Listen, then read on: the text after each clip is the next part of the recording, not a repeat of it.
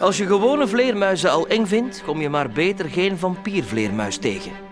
Deze wezens zijn zo groot als een mens en voeden zich met bloed. De nachtwacht stond dan ook voor een groot probleem toen een groep vampiervleermuizen hun weg naar Schemermeer vond.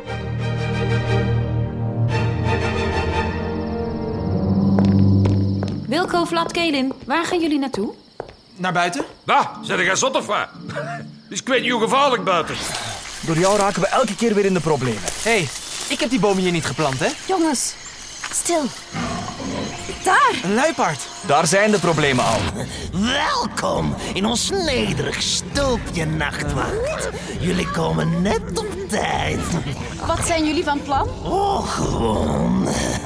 Wij gaan jullie hier voor altijd opsluiten, zodat wij in Schemermeer kunnen gaan wonen, want dat staat hier echt op instorten.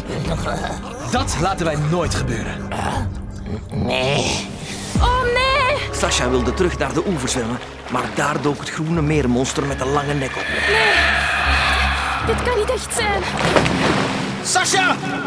Maar schreeuwen had geen zin, want Sasha was als een speelbal overgeleverd aan de krachten van het water. Vlad! Wilco, nu! Snel! De nachtwachters richtten hun voorwerp op het wezen. Ad in veros!